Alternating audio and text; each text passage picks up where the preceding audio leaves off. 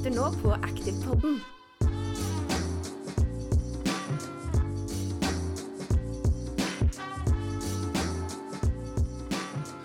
Og da er vi tilbake nok en gang. Velkommen til eh, dagens eneste, men ikke noe negativt i det. Ingvild, hei, hei. Hei, hei. Går det bra? Veldig flott introduksjon. ja, takk. Ikke bare bare si. Nei, Ja. blir det greit? Det går veldig fint. det går veldig fint. Hva med deg, OJ? Nei, jeg har det bra. Jeg har det bra. Herlig. Mm. Klar for ferie snart? Eh, Nærmer seg. Nærmer seg. Gleder meg veldig. Slapp av. Ja. Det blir bra. Du, da? Ja, nå er det eh, ferie fra med i morgen, Mhm. så det blir deilig. En tur hjem til eh, Sørlandets perle Grimstad. Ut Ja. på sjøen og kose seg. Så det blir Mm. veldig bra. Spiser reker? Spise masse reker i Mhm. båten. Sava ellers? Sava eller gysla. Gysla lunt, ja. Ja. ja, ja.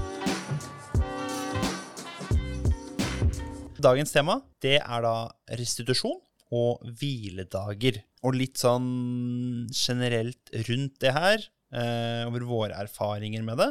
Over litt eh, spesifikt hvor mange hviledager kroppen din faktisk trenger etter å ha utført ulike aktiviteter. Og litt den følelsen rundt det å ha hviledager. Og det er kanskje litt spesifikt det her mot de som har en allerede eksisterende treningsrutine og veldig glad i å være aktiv, eh, gjøre noe hver dag. Men noen ganger sier kroppen 'halla, jeg trenger hvile', eh, og da må du høre på kroppen. Det er mange som ikke er flinke til det, inkludert meg, men jeg prøver så godt jeg kan. Og det med de hviledagene, det er jo da at ikke bare er de viktige for at kroppen din og hodet ditt skal få slappet av, men det er veldig viktig for det totale bildet, både i form av at du skal kunne prestere på trening. Bryter du ned kroppen for mye, så rekker den ikke å bygge seg opp igjen, rett og slett. Ja, for det er vel sånn at når man trener, så skaper man et sånn metabolsk stress i kroppen. Og for at kroppen da skal på en måte bygge seg tilbake igjen og bli sterkere og kanskje tilegne seg nye fysiske kapasiteter, da, så må vi være avhengig av både tilførsel av energi og næringsstoffer og, og restitusjon av hviletid, på en måte. Så hvis man aldri tilfører kroppen dette, så sier det seg selv at da bryter vi bare mer ned enn vi bygger opp, og så kan man da få skader og rett og slett blitt eh, utslitt, da. Ja, og det høres jo veldig dumt ut at vi skal bryte ned og ødelegge kroppen vår for at den skal få bygge seg opp igjen. Men vi gjør det jo for at vi skal for den å bli bedre i det vi eh, gjør. F.eks. om det er styrketrening, så bryter vi ned eh, muskulaturen vår, så den bygger seg opp igjen, så vi kan løfte enda tyngre og enda mer. Og det er jo egentlig litt kult at kroppen er satt sammen sånn, at den tenker sånn Jøss, jeg har lyst til å bli bedre enn det jeg var. Og at den liksom bare automatisk da skjønner Ja, men da, da bygger vi oss sterkere eller større, eller Ja. Men at ja, vi må gi den det den krever, da. Både restitusjon og søvn og, og mat. Mm, veldig, altså, kroppen vår er jo et eh, sammensatt og komplekst eh, Maskineri. Rett og slett maskineri. Det er iallfall sånn jeg ser på meg. Nei da.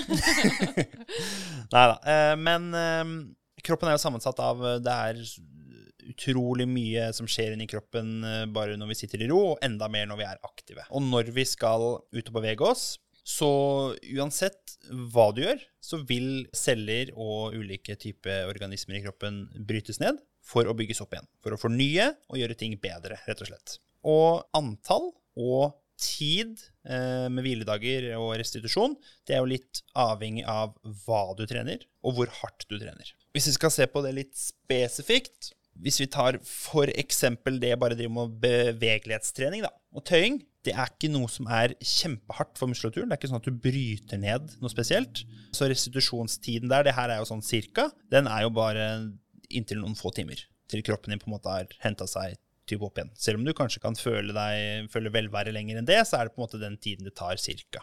Eh, hvis du skal eh, ja, løpe under en time, eller sykle under en eh, times tid, så er det også litt det samme der. Det er eh, noen timer det tar. Men det er jo litt avhengig av din fysiske form. Og det å løpe si en halvtime for noen, det kan være kjempehardt. Mens eh, for andre så kan det være en kjempelett restitusjonsøkt. Så du må jo ta det med en klype salt når det kommer til det her, basert på nivå. Men hvis du tar eksempel og løper en hardintervall, eller en hard 10 km, eller konkurrerer i et uh, sånn type løp som kanskje varer en, rundt en times tid, eller sykler uh, Har en langtur på sykkel som kanskje varer ja, et par timer, par-tre timer. Det er det som kreves når du skal trene og konkurrere på sykkel. Da kan jo vare fra flere timer opp til flere dager. Kanskje én til tre dager, basert på, på, fysisk form. I forhold til hvis du spiller fotball eller håndball eller lignende, og konkurrerer innenfor organisert idrett, så kan dette her ta opptil fire dager før kroppen din har henta deg.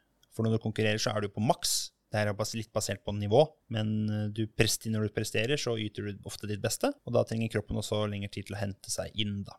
Så det var sånn litt generelt om det her. Altså Har du en uh, styrkeøkt, typisk uh, vanlig styrkeøkt, så tar det ofte mellom én til to dager. Og det er jo derfor Push-pull legs er en treningsrutine eller treningsform som mange bruker. Som betyr at du den ene dagen utfører push-øvelser, som er øvelser der du skyver. Tenk at du skal skyve en dør foran deg. Det er øvelser der du skal skyve ting, eh, rett og slett. Typ benkpress, for eksempel? benkpress. Og så har du pull, som er da motsatt på de dørene du ofte har prøvd å skyve i. Mm. Det kommer deg ikke ut, da må du trekke i stedet. Da er det trekkøvelser, som f.eks. roing eller nedtrekk. Og siste da treningssplitt, eller siste delen av treningssplitten, er jo da legs, altså bein. Om det er knebøy eller beinpress, tåhev, hva som helst som går på bein. Og når du kjører ski push på mandag, eh, du kan kjøre pull på eh, onsdag, og du kan kjøre legs på fredag, da har du jo til veldig god godt med hvile mellom. Eller så kan du kjøre push-pull-legs mandag, tirsdag, onsdag. Så begynne på nytt igjen torsdag, fredag, lørdag. Så har du kanskje en hel hviledag på søndag, da. Bare for å sette det litt i perspektiv.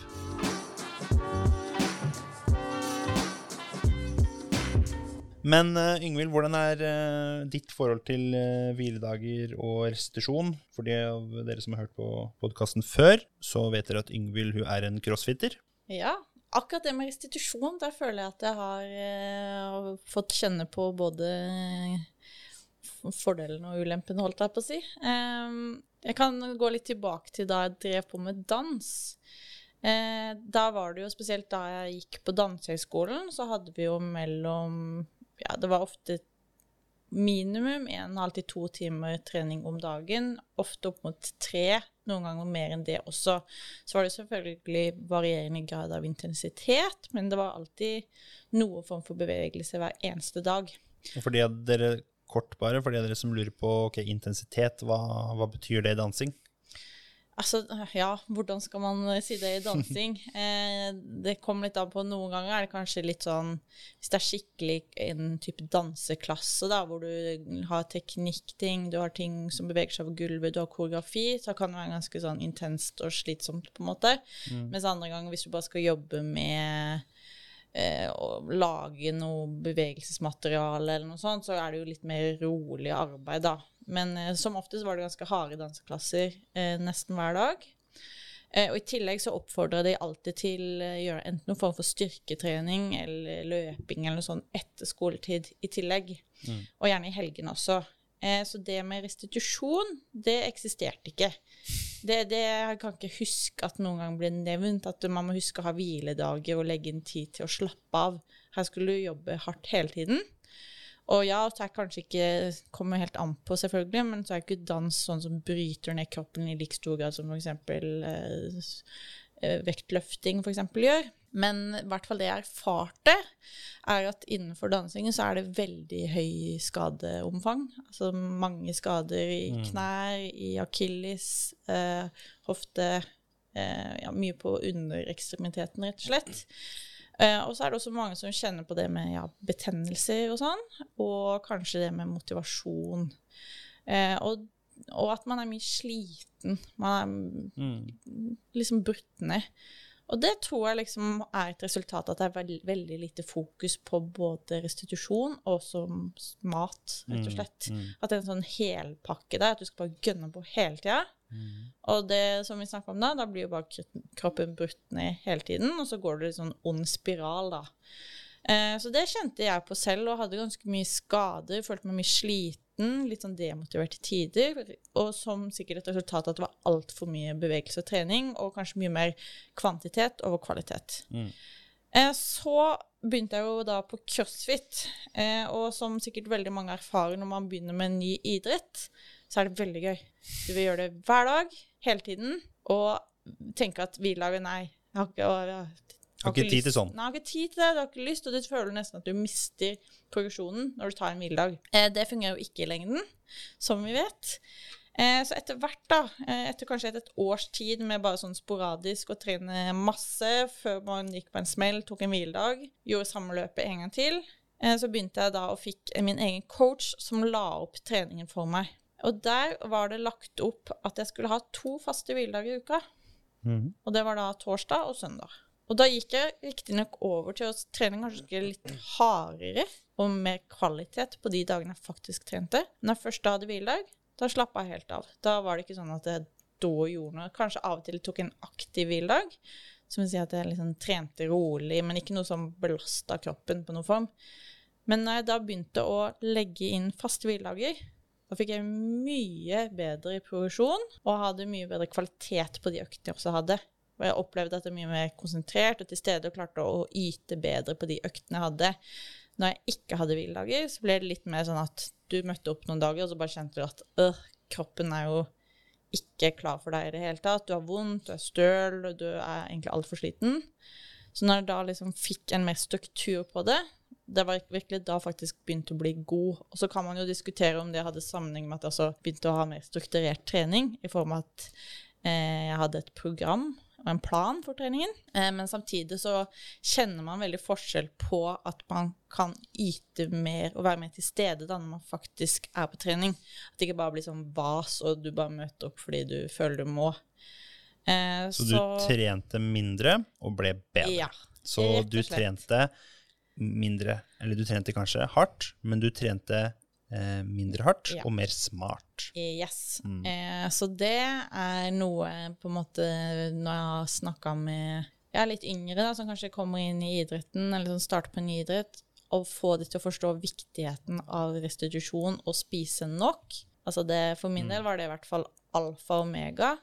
Og det var et par ganger jeg prøvde å gå over til å trene seks ganger i uka i stedet for fem. Det hadde negativ effekt på meg. Så de hviledagene, de er gull verdt, og opplevde virkelig at jeg fikk på en måte Følte jeg fikk mer energi også, sånn totalt sett, av å ha den strukturen på det. Kontra da jeg drev med dansing, og alt bare var en sånn evig sur, stor smølje. Mm. Men det er litt morsomt det du sier, at når du finner noe nytt du syns er spennende og gøy å drive på med, da vil du gjøre det hele tiden. Eh, Og det skjønner jeg. Eh, Og jeg er jo, sånn, er jo der selv, og har vært der selv. Men litt sånn i forhold til det at hvis du ikke har vært så veldig aktiv tidligere, og ikke har det treningsgrunnlaget, så er det mye større sjanse for å bli skada om du overdriver veldig. Spesielt kanskje toppidrettsutøvere. da. Vi kan ta et eksempel hvis vi tenker på Johannes Klæbo. Eh, sikkert mange som har sett på vloggene hans på YouTube. Og da kan vi se at han er ekstremt flink på å ta seg fri og eh, restituere, sove nok, spise tilstrekkelig når kroppen sier ifra. Men det er ikke alltid like lett å vite hva kroppen vil. Så jo mer aktiv man er, jo mer du lærer å kjenne din egen kropp gjennom da den treningsformen for eksempel du ønsker å bli god i, jo bedre blir du også på å forstå at ok, nå bør jeg kanskje enten bytte ut eh, økta her med en lettere økt, eller ta meg helt fri. Ja, og så er det jo veldig stor forskjell på det, i hvert fall som nybegynner, å kjenne på ok, nå har jeg faktisk kanskje bare litt støl, og det er jo ikke farlig å trene og være litt støl, kontra det å faktisk ha vondt et sted, da. Så lærer jo å kjenne kroppen din, og vite også at ok, nå er det kanskje bare litt daff. Du må bare egentlig komme deg på sofaen, kontra det å kjenne at nå er jeg ordentlig brutt ned av treningen. Da kan du liksom vurdere.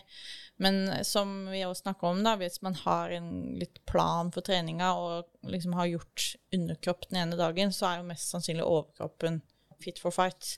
Så man må liksom også tenke litt taktisk. Ok, hva gjorde jeg i går? Ok, Hvis jeg bare gjorde skuldre i går, så er det kanskje ikke nødvendig å gjøre det dagen etterpå heller. Eh, Så det det er viktig. Men jeg tenkte jeg kunne ta litt tilbake til det du sa om, eh, i forhold til restitusjonstid, og det og hvor lang restitusjonstiden kan være hvis man virkelig har yta maksimalt. Og det er noe jeg har kjent på hvis jeg har vært med på konkurranser. Eh, og i CrossFit så er jo konkurranser ofte over eh, to-tre dager, hvor man har ja, mellom to og tre økter hver dag. Eh, og da er det jo veldig totalbelastningen som blir tung, fordi at du skal eh, Du må varme opp, du presterer maksimalt, og så må du på en måte lande helt, og så totalkollapser du før du må gire deg opp på nytt igjen, varme opp, og så blir det sånn berg-og-dal-bane gjennom hele helgen, og mye følelser og endorfiner og stress eh, totalt sett, da. Men ofte etter en konkurranse så er jeg altså har vært så sliten at jeg nesten føler jeg er syk. Mm. Det er ikke alltid nødvendigvis at jeg, Det har også skjedd at jeg har blitt syk. Men det er noen ganger du nesten føler at du har litt sånn febertendenser og er rett og slett så sliten og brutt ned at kroppen bare kortslutter. Mm. Og da kjenner man at da må man nesten ha en, kanskje til og med opp til en uke for å hente seg inn igjen, altså. Mm. For å kjenne at man eh, er tilbake. Mm. Så det er liksom interessant hvordan enkelte ting bare kan tappe deg helt, da, og hvor restitusjonstiden blir mye lengre. Helt enig, og, og akkurat eh, det med Du nevnte jo eh, i stad at eh, det er forskjell på å være fysisk sliten i kroppen etter trening og være mentalt sliten etter en lang dag. Ja. Er man mentalt sliten etter en lang dag, klarer man da å pushe seg ut, bare ut døra på å gå en tur, så vil det gjøre så ekstremt mye med hodet når du du, du kommer deg ut døra, og spesielt når du er ferdig. Det rushet da du får av eh, et hormon som kalt endorfin, som eh, også du får når du spiser sjokolade, for så vidt, gjør deg rett og slett du, Den følelsen du får av velvære, den er fantastisk. For jeg vet ikke om du har kjent på det, men hvis man f.eks. har hatt eh, eksamen og sånn, når man har studert, kanskje sittet eh, seks timer veldig intensivt og skrevet, etterpå så sliten ut utlada. det. Føltes ut som man har løpt maraton ganger åtte. Men det kan jo ha noe med å gjøre at du er eh, mentalt brutt ned etter å ha vært nervøs en uke på forhånd. Ja, det, det, det kan ha noe med det også å gjøre. Men Men, det er helt merkelig at man føler seg mer sliten av å sitte stille og bruke Mm. hjernen enn å trene en skikkelig hard økt. Ja, helt enig. Helt enig. Men så tenker jeg i forhold til også restitusjon innad i det, nå som jeg har ernæringsbakgrunn, så ligger jo litt det der med å spise tilstrekkelig også, og hvor viktig det også er for måte restitusjonstiden, og hvordan f.eks. inntak av karbohydrater da, spesielt kan bidra til å korte ned restitusjonsprosessen ganske mye. Det tror jeg det er veldig mange som undervurderer litt, og spesielt personer som driver med utholdenhetstrening, eh, og spesielt på sånn eh, moderat til høy intensitet, så er det jo på en måte dette glykogenet som vi lagrer i muskulaturen, altså karbohydrater, lagringsform for karbohydrater, som blir primært brukt som energikilde. Og når det er tomt, så går kroppen over da til å bruke fett. Men de her karbohydratene de må jo erstattes. altså Når lageret er tomt, så akkurat som kroppen må hvile for å bygge seg opp igjen, så må også lagrene fylles opp igjen. Litt som at du er tom for uh, enten bensin eller elektrisitet på bilen din, så må den fylles opp. Ja. Og da er det liksom Jo raskere, og på en måte også mengde du fyller på med karbohydrater etter trening eller konkurranse, det er ganske avgjørende for restitusjonen å på en måte hente seg inn igjen, da. Så jeg tror på en måte at Det er en pakke. Ja, det er en pakke. Det er viktig å tenke over alle faktorene her. At eh, du må også på en måte få i deg nok energi, fordi at det er jo ikke akkurat noe magisk med det, men at når vi trener, så bruker vi energi, og da må vi også fylle på det vi har brukt. Og det å et, eh, fylle på etter trening, da, ha en god eh, ernæringsstatus, kan du kalle det, det er jo kjempeviktig. Men også en av de aller viktigste, som mange tenker er, har ikke så mye å si, det er søvn. Trener du mye, burde du minimum ha åtte timer søvn. Trener du mindre, så kan du klare deg på noe mindre, men åtte timer er på en måte det som er satt som en eh, standard for at da sover du ikke så lenge at du blir helt daff ødelagt etterpå. Du sover ikke så lite at kroppen ikke rekker å hvile, og spesielt hjernen, hodet, er jo også det som blir restituert når man sover. Så totalt sett er det veldig viktig å sove. Men litt i forhold til det med erfaring rundt restitusjon, da. Nå, jeg har en, en erfaring som jeg tenkte å dele i dag, som jeg vet at veldig mange har opplevd, eller opplever, eller kommer til å oppleve. Og det handler om den typiske løpebasillen. Det skjedde jo spesielt, kanskje ja, for min del også, men for veldig mange, eh, i starten av covid, når det ikke var oppe treningssentre, og um, man måtte ty til andre treningsformer. Og da er jo løping veldig enkelt å gjøre. Du knytter på deg skoa, går ut døra, selv om det også kan være en utfordring iblant. Men får du til det, så er det jo rett og slett bare å løpe. Så det jeg personlig gjorde da, var jo å løpe stort sett eh, hver dag, i tillegg til at jeg trente styrke. Det var jo i en periode der jeg studerte, så det var jo ikke mye skole heller akkurat i den perioden. Så det jeg gjorde, var å stå opp, trente eller sykla en tur eller eh, gjorde et eller annet i form for uh, styrketrening. Kom tilbake, spiste et eller annet, slappet av litt, og så dro jeg ut på en lang, lang løpetur. Og jeg fant jo det her kjempegøy. Jeg ble jo bedre og bedre for hver økt. Eh, Merka stor progresjon, for jeg er ikke vant til å løpe så langt. Jeg har alltid vært en litt mer eksplosiv og rask eh, type. Gjorde det her, holdt på i eh, ja, et par måneder. da. Starta på skolen igjen. Var kanskje slutten av covid-perioden. da. Ting begynte å åpne igjen, så jeg jobba også litt ved siden av. Sto mye. Drev midt opp i en masteroppgave. Jobba med det, brukte hodet mye. Trente like mye, og da smalt det for min del. Så da fikk jeg en uh, skade i kne og i leggen i samme fot, som fortsatt ikke er helt 100 den dag i dag, og det er nå to år siden. Og det her ble, jeg ble bitt av den løpebasillen. Du tenker ikke over at kanskje det er greit med hvile i dag. Og det bare... er jo litt morsomt at du sier, for jeg gjorde akkurat det samme. Ja. jeg og de stengte jo ned crossfit-boksene, eller det var jo ikke lov å drive med organisert idrett. Mm. Så jeg begynte å løpe. Og begynte med altfor mye, altfor fort og altfor lite hvile. Fikk jumpers knee i mm. begge knærne. Og måtte ha en oppbyggingsperiode på ganske mange måneder etter det. Og kan til tider av og til kjenne det også. Som resultat at man blir altfor ivrig og undervurderer viktigheten av eh, mm. å skynde seg sakte Rett og, og restituere. Men hva tror du er grunnen til at så mange kjenner på det derre i hvert fall de som trener mye og trener ganske hardt, at det der å ta hviledager er liksom, nesten litt skummelt. Ja. At man har litt sånn anstrengt forhold til å ikke trene. At det er sånn 'Å, en dag uten trening er en dag uten mening'. Mm. Hva, tror, hva tenker du er grunnen til det? Først og fremst så er jo jeg en av de. Ja. Jeg har blitt flinkere til det nå eh, med alderen, men jeg, i hvert fall fra eh, videregående, da det var mye trening, og egentlig helt til de tidene her, så typ eh, sju-åtte år, så har jeg hatt en ah, hviledag. Shit, jeg føler meg dritt. Du føler deg oppblåst. Du føler deg Til tider føler du deg ganske tjukk, kanskje. Du føler deg på en måte skikkelig sånn Nei, nå har jeg trent så bra den siste måneden. Nå har jeg hvilt i dag. Fy søren, nå er alt tapt. Alt av progresjon er tapt. Nå kommer jeg til å være kjempedårlig i morgen. Koser deg kanskje litt ekstra med noe god mat også, fordi du har kanskje tid, eller du du eh, har behov for ekstra mat, egentlig? Og, og, det er jo Jeg har jo Jeg vil ikke si et anstrengt forhold til det, men jeg har vært veldig dårlig på å tatt meg hviledager. Ja. Men tror du at det er liksom mange som lider av det der body dysmorphia? Ja. At man får litt sånn Man blir litt blind på egen, mm. egne resultater og, og hvordan man faktisk ser ut, da. Det gjelder veldig mange. Jeg, eh, meg inkludert, har eh, føler jeg har blitt flinkere til det med alderen. Du, når du vokser eh, opp, holder på å si, ikke at jeg er vokst opp, føler meg ikke voksen, jeg er bare en ungdom med litt mer ansvar. Men da lærer du litt mer om deg selv, om kroppen din, om hodet ditt, om rett og slett alt. Og da blir du litt mer bevisst på at OK, ja, jeg har trent bra, men det man må huske på, er at ja, det er fint å trene hver dag og være aktiv, men du er ikke en toppidrettsutøver.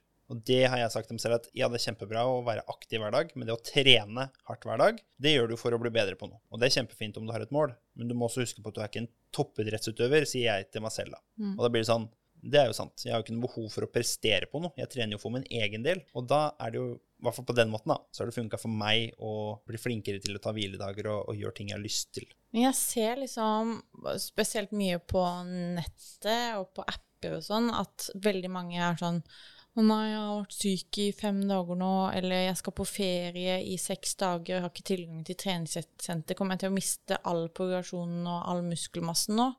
Men så vet du jo liksom forskningsbasert at man gjør jo ikke det, så lenge man er i noe aktivitet og spiser ok så skal det ganske lang periode til før man egentlig mister muskelmasse og den progresjonen man har hatt. Og eh, det skal vel ikke egentlig mer enn én økt i uka for å vedlikeholde over ganske lang periode. Så det er så rart at man blir så blind på det og tenker at, at man ødelegger alt bare man har én eller to dager uten trening. Men så er jo sannheten at kroppen ser jo kliss lik ut den tredje dagen man trener igjen. Mm. Det er jo ikke sånn at det har skjedd noe. Men hvorfor føler man seg så ræva og ekkel de dagene man ikke trener? Vanskelig å si, men det er nok noe bare med den vanen, da. Du er vant til å ha den økt, selv om det er hardt eller ikke. Selv om du bare drar, skanner kortet ditt, går inn på treningssenteret, snur døra og går hjem, så har du i hvert fall vært der. Ja. Og da har du brukt energi på å gått dit. Men en, eh, en historie om det Jeg har jo, eh, jeg har jo en eh, jeg vil ikke kalle det sykdom, men en diagnose som heter bestrev. Det er en autoimmun sykdom som gjør at eh, kroppen den angriper seg selv, som igjen betyr at du får smerter i store ledd. Da. Det er litt forskjell på sykdomsomfanget her, men jeg hadde i hvert fall ekstremt store smerter i hofte og korsrygg. Så jeg gikk jo to år med det her, fant ikke ut hva det var, før ja, etter to år, da. Jeg gikk på krykker, kunne nesten ikke bevege meg, gikk og halta i to år. Det her var heldigvis i covid-perioden, så da jeg gikk liksom ikke glipp av så mye. Men da fikk jeg jo ikke trent i det hele tatt. Det jeg gjorde, var enten å sitte eller ligge, eller halte meg til butikken for å handle mat. Ja, så Du blir jo litt dårligere i form, du blir jo litt svakere når det har gått nesten to år uten spesifikk trening. Jeg gjorde jo det jeg kunne, da. Vedlikeholdt ganske bra. Jeg måtte jo bare bli vant til å akseptere den tanken at nå kan ikke jeg trene på en god stund. Men det som er positivt, er at kroppen den regulerer jo litt seg selv. Så når du er vant til å trene mye og spise mye, og når du stopper å trene mye, så regulerer også kroppen din at du spiser ut ifra det energibehovet du har da. Så du spiser rett og slett mindre. Og på den måten så er jo kroppen flink til å gjøre at du ikke kall det, spiser deg opp noen ekstra kilo. Men samtidig så vil jo det også bidra til at du kanskje går litt ned i, altså i muskelmasse, da, hvis, eh, hvis det er det som er tilfellet. Så det er på en måte det positive at kroppen regulerer. Det som er enda mer positivt, er at du har noe som heter muscle memory, som gjør at har du et grunnlag fra før, og uansett om du pauser på to måneder eller to år, så vil det være enklere å komme tilbake til utgangspunktet du var på da du stoppa, da, eller ble skada, eller hva som helst. Men jeg har jo den erfaringa, og den, det var hardt. Det satt langt inne å på en måte akseptere det at nå kan ikke jeg trene på en god stund. Men jeg ser nå sånn jeg ser ut i dag, holdt på å si, og jeg er, jeg er i hvert fall eh, veldig fornøyd med, med utfallet. Det er jo en erfaring. Så man må på en måte pushe seg til de hviledagene også. Og jeg vet at veldig mange av de som hører på, i hvert fall uansett om du hører på eller ikke, veldig mange rundt omkring, de har jo den følelsen. Du har jo den følelsen. Sånn ah, Skal jeg ta meg en hviledag? Men så er sånn ah, jeg har lyst til å ta den økta.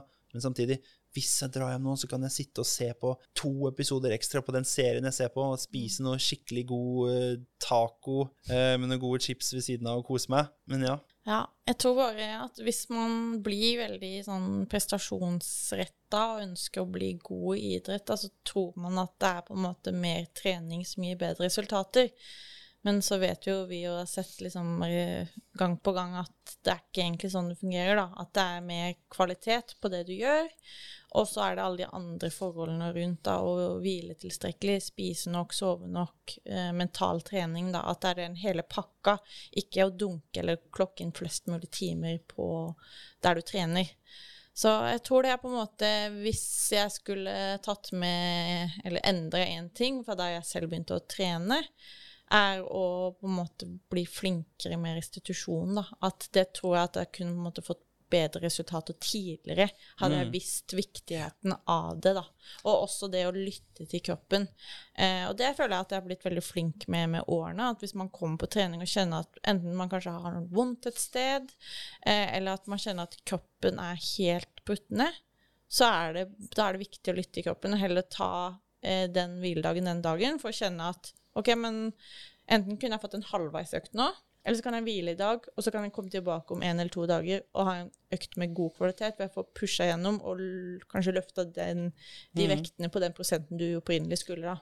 Mm. Så forholdet da mellom trening og restitusjon kan du tenke deg er som en eh, Se for deg en elbil som har, eh, har så og så mye strøm. Jo fortere du kjører med den bilen, jo mer strøm bruker den, og jo mer må du lade. Hvis du lar den stå en dag, så bruker den jo ikke strøm, og du bare putter i laderen og lar den lade hele den dagen. Da er den kanskje helt full når du skal starte neste dag. Men hvis du glemmer å putte i den laderen, og du kjører mer, så vil jo batteriet gå lenger og lenger ned. Og ja, du putter den i kanskje på natta, men det vil jo ikke lade seg fullt opp. Så du er på en måte alltid på kall det halv tank hvis du aldri tar den, eh, den hviledagen. Selv om det føles dritt, så kommer det til å føles mye bedre neste økt. Og så tenker jeg en annen ting, jeg skulle ønske jeg visste tidligere, eller noe som jeg på en måte har erfart når jeg har veileda spesielt jenter ja, gutter også for så vidt, eh, som driver med idrett, er det der å tørre å spise nok, og spesielt nok karbohydrater. For jeg tror det er veldig mange som tenker at å, ja, men jeg, hvis målet Og det er jo veldig mange som har mål om at de vil få flat mage og større muskler, liksom. Det er jo dessverre sånn det er. Eh, men da tror folk at de må spise så lite at de skal nærmest sulte seg, på en måte, eller å unngå karbohydrater. Men i hvert fall personlig, da jeg på en måte turte å slippe opp litt mer og spise mer og tørre å, å spise nok, så fikk jeg jo faktisk de resultatene jeg ønska, og også presterte mye bedre, da. Mm. Så det, men det er litt sånn skummelt når man skal begynne å eksperimentere den veien, og det er på en måte ikke noe fasit heller. Eh, Noen eh, må ha mer hvile enn andre, noen klarer seg på mindre mat osv., men jeg tror det er bare viktig å finne en måte som fungerer for seg selv, da. Mm. Eh, Og det lærer man jo. Det er ikke Ja. noe du i ut, Hvis du ikke har en trener fra du er veldig ung, som følger deg opp til du er eh, si 40, eller til du driver, har eh, blitt god og presterer bra i en idrett, så er det noe du kommer til å lære selv. mm. Altså, da må man prøve Ja. å feile litt, og det er en del av prosessen, og det tror jeg er viktig også for å komme dit man er. Men Mm. eh, jeg tror liksom hvis man har i bakhodet og, og tør å tenke hvor viktig restitusjon og tilstrekkelig matinntak er, da,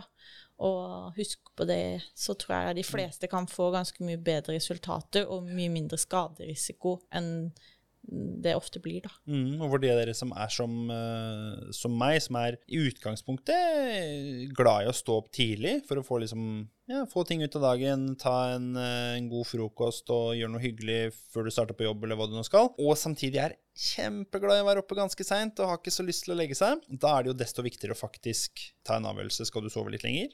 Eh, Eller skal du legge deg litt tidligere? Eller, nå kan du aldri ta igjen søvn, da, men en liten powernap på typ 20 minutter kan gjøre opp typ den uh, for mye av, uh, av den uh, følelsen du har i kroppen hvis du er helt kjørt og helt sliten for du har sovet for lite. Så ta heller en ekstra powernap når du kommer hjem fra jobb, eller uh, ikke på jobb eh, kanskje, men når du kommer hjem fra jobb, i hvert fall før du skal gjøre noe annet, så du kanskje føler deg litt mer, eh, mer på. Men eh, hold det til maks 20 minutter. Er det mye lenger, så mm, våkner du opp, og du vet ikke helt hvor du er. Og en siste ting også som kan være fint å tenke på, er at eh, det har vi vært litt inne på i tidligere episoder, men at det trenger ikke å være alt eller ingenting hvis man skal på en måte prestere eller trene på det nivået at du får ikke dårlige resultater av å spise godteri eller kose deg en kveld, eller til den saks skyld dra ut på byen en gang i ny og ne òg. Selvfølgelig er ikke det noe positivt for prestasjon, men for og det å ha det bra med seg selv og psykisk helse og ha en balanse i livet, så tror jeg det er kjempeviktig å måte tillate seg de tingene, og ikke tenke at man ødelegger eh, for seg selv av å av og til gjøre noe som på en måte strider litt imot idretten nå, da. Så det er en balansegang totalt sett, uavhengig om du vil eh, prestere for å bli god i en idrett, eller bare om du rett og slett er kjempeglad i å være aktiv hver dag, og du kjenner at du blir mer og mer sliten, og du skjønner ikke helt hva som er greia. Da er det nok at du enten trenger en hviledag, at du kanskje må kikke litt på, på søvn, at du kanskje må kikke litt på um, næringsinnhold, eller altså ernæringsstatus, eller uh, rett og slett at du uh, kanskje må gjøre noe variasjon. gjør noe annet enn det du er vant til for å få hodet ditt et annet sted. For man blir også, det er en ting at man blir så oppslukt på det du driver med, at selv om du har hviledag, så har ikke hodet ditt hvil i dag. Fordi du er så bestemt, eller du tenker på alt mulig annet. Hode og kropp henger sammen. Ja, det, det er godt, det, altså. Mm, det er veldig godt. Så det var våre tanker og erfaringer rundt det med restitusjon og hviledager. Jeg regner med at flere av dere som hører på, kanskje er enige med oss. Sikkert noen som er helt uenige også. Det er helt lov. Og så er det kanskje noen som er i den fasen at de prøver å finne ut en balanse i det der. Men eh, det er verdt det å få til den balansen. Og tro meg, det finner du ut. Ja. Mm. Hvis ikke du har troa, så har jeg og Ingvild det. Alltid. Vi i Active-podden kommer til å ta en liten to ukers ferie. Vi må også restituere litt fra Vi må også restituere litt. Så det her er da siste podkast på et par ukers tid. Men frykt ikke. Vi er tilbake fortere enn du kan si doble mustasjeopphengsforkoblinger. så med det så vil jeg ønske alle lyttere, inkludert deg, en eh, god sommerferie. Takk, takk, takk. I likeså. For alle dere som eh, også skal eh, ut i ferie nå snart, hold dere aktive. Kos dere masse. Spis masse god mat. Husk is. restitusjonstid. Ja. Og selvfølgelig is. Og enn så lenge så må dere nyte sommeren. Kos dere med masse god mat. Det skal i hvert fall vi. Yes. Mm -hmm. Tren, kos dere, og også ikke vær redd for å koble av og slappe av. For i, et, i en hverdag med mas og kjas, så er det også viktig å ikke gjøre noen ting. Mm. Kos dere masse. Vi høres. God sommer! Hei da. Liker du det du hører? Husk å abonnere i din podkastspiller. Vi setter stor pris på at du gir oss en rating og deler episoden med en venn.